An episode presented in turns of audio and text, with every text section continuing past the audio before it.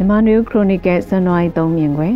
တနိုင်ငံလုံးရဲ့အဓိကပြဿနာဖြစ်နေတဲ့စစ်ဘေးဒုက္ခတဲ့ပြဿနာမြန်မာနိုင်ငံတနိုင်ငံလုံးမှာစစ်ဘေးရှောင်လူလို့ခုနှစ်ပိုင်းတွေမှာခေါ်ဝေါ်လာကြတဲ့စစ်ဘေးဒုက္ခတဲ့ပြဿနာကတော်လင်းအောင်မြင်မှုစီးရေးတိုက်ပွဲဆိုင်ရာပြဿနာပြီးရင်ကြီးဆုံးပြဿနာလည်းဖြစ်နေတယ်လို့ထင်ပါတယ်ဒုတိယကမ္ဘာစစ်ပြီးလွတ်လပ်ရပြီးနောက်အကြခင်စတင်ဖြစ်ပွားခဲ့တဲ့မြန်မာနိုင်ငံပြည်တွင်းစစ်ကာလမှာတော့ကလည်း စစ်ဘေးဒုက္ခတွေကြည်ကြဲပြန့်ပြန့်ရှိခဲ့တယ်လို့1950 1960ကျော်ခုနှစ်တွေကဖြစ်ပွားခဲ့တဲ့တိုင်းသားလက်နက်ကိုင်ဖွဲ့တွေကွန်မြူနစ်ပါတီနဲ့စစ်တပ်ကြားဖြစ်ပွားတဲ့ပြည်တွင်းစစ်တွေတုန်းကလည်းစစ်ဘေးဒုက္ခတွေရှိခဲ့ကြမှာမလွဲပါဘူးအလားတူ80ခုနှစ်တွေ80ခုနှစ်တွေမှာပဲခူးရိုးမှရှမ်းပြည်နယ်ကင်းပြည်နယ်တွေမှာစစ်ပွဲတွေဖြစ်ပွားခဲ့ပြီးစစ်ဘေးဒုက္ခတွေအများအပြားရှိခဲ့ကြတာ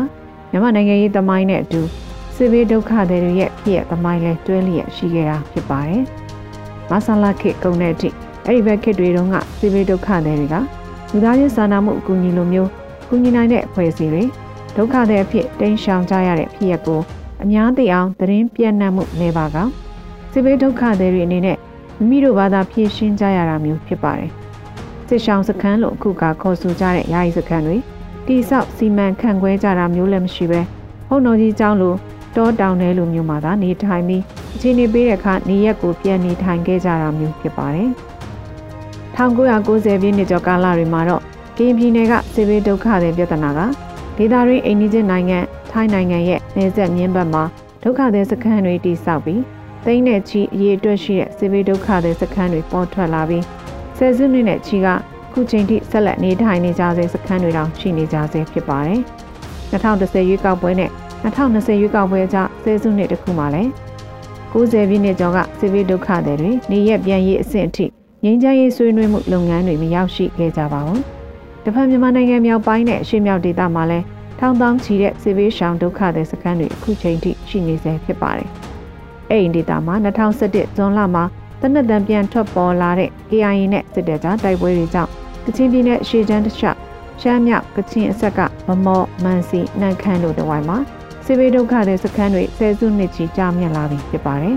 ။ခင်ကစစ်ဘေးဒုက္ခတွေရဲ့ပြဿနာတွေမရှင်းလင်းနိုင်ခင်မှာပဲ2021ခုနှစ်ဆီယနာသိမ်းမှုဖြစ်ပွားပြီးနောက်စီးရဲလန်းစဉ်ကိုကင်ဆွဲတဲ့အဖွဲ့အသစ်တွေနေမြေသစ်တွေအများပြားပေါ်ထွက်လာပြီးကင်းဒီဒေသချင်းပြည်နယ်မကွေးတိုင်းစကိုင်းတိုင်းနဲ့ကရင်ပြည်နယ်တွေမှာစစ်ဘေးဒုက္ခတဲ့သိန်းသန်းနဲ့ချီတစ်နှစ်ကျော်တွင်တရှိန်လိုမြင့်တက်လာတာဖြစ်ပါတယ်။စစ်ဘေးဒုက္ခတဲ့ပြဿနာဟာစစ်တိုက်တဲ့မဟာဗျူဟာထဲမှာ လက်နက်ကိုင်းဖွဲ့တွေကိုရက်ရွာကမထောက်ခံနိုင်အောင်စစ်ဘေးဒုက္ခတွေဖြစ်အောင်ဤဗျူဟာအရလှုပ်ဆောင်တဲ့သဘောလေးတွေ့နိုင်ပါတယ်။စစ်ဘေးဒုက္ခတွေဖြစ်တိမ်းရှောင်ရုံများမကရိတ်ခါစေးဝါးနဲ့အကူအညီပေးမဲ့ပစ္စည်းတွေပါမရောက်နိုင်အောင်ဖျက်တောက်တဲ့ဤဗျူဟာကိုစစ်ကောင်စီကသုံးနေပြီး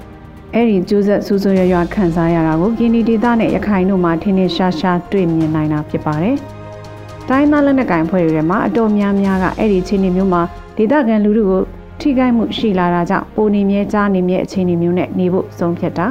၎င်းတို့အခြေဆိုင်ရာဒေသကဒေသခံတွေကတစားခံဖြစ်နေတဲ့သဘောကြောင့်တိုက်စစ်ထက်ခန်းစစ်ဆိုတာမျိုးကိုပိုရွေးချယ်လာကြတာလည်းဖြစ်ပါတယ်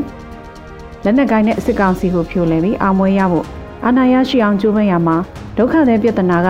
လက်နက်ကိုင်းတိုက်ပွဲရဲ့အကျိုးဆက်တစ်ခုဖြစ်မလာအောင်ဘယ်လိုလုပ်ဆောင်မလဲသို့မဟုတ်နောက်ကဆွဲထားတယ်လို့ဖြစ်နေတဲ့ဒီပြဿနာလျှော့ချဖို့စီရေးမဟာဗျူဟာနီးဗျူဟာတွေ ဘယ်လိုပြောင်းလဲသုံးကြမလဲဆိုတဲ့မေးခွန်းမေးစရာလည်းရှိနိုင်ပါတယ်။ဒိုင်းသားလက်နက်ကင်ဖွဲ့တွေကတော့လူမြောက်နယ်မြေနဲ့ဌာနချုပ်စခန်းလိုမျိုးတွေကိုနေဆက်မြင်းတွေအနီးမှာရွှေ့တဲ့ရွေးချယ်မှုမျိုးရွေးချယ်ခဲ့ကြတာဖြစ်ပါတယ်။ဒီဘက်မှာလည်းအာဏာရှင်စစ်တပ်ကိုအမြင့်ဖြတ်ချေမှုရင်းမှာကျေးလက်တွေနဲ့မြို့တွေလည်းအထိခိုက်ရှိမှာပဲ။အဲ့ဒီနေထားကိုရှောင်လွှဲဖို့ရမဖြစ်နိုင်ဘူးဆိုတဲ့အယူဆလည်းရှိနိုင်တာဖြစ်ပါတယ်။သို့ပေမဲ့လက်နက်ကင်တိုက်ပွဲရဲ့ငွေကြေးပင်မရင်းမြစ်ကတရားစာတတူးဖော်တာလို့ ပြည်ပအစိုးရတရရက်ကအကူအညီထောက်ပံ့မျိုးမဟုတ်ပဲလူလူရဲ့ထောက်ပံ့မှုနဲ့ရည်တည်ရတဲ့လက်နက်ကိုင်းတော်လှန်ရေးဖြစ်ရင်တော့လူလူကိုရှင်သန်လုပ်ကိုင်းစားတောက်နိုင်ဖို့လိုအပ်ပြီးလူလူအများစုကစစ်ဘေးဒုက္ခတဲ့စခန်းတွေမှာနေထိုင်နေကြရတဲ့အခြေအနေမျိုးနဲ့တိုက်ပွဲကိုရှေ့ဆက်ရခက်ခဲနိုင်တာလည်းဖြစ်ပါတယ်ရှင်။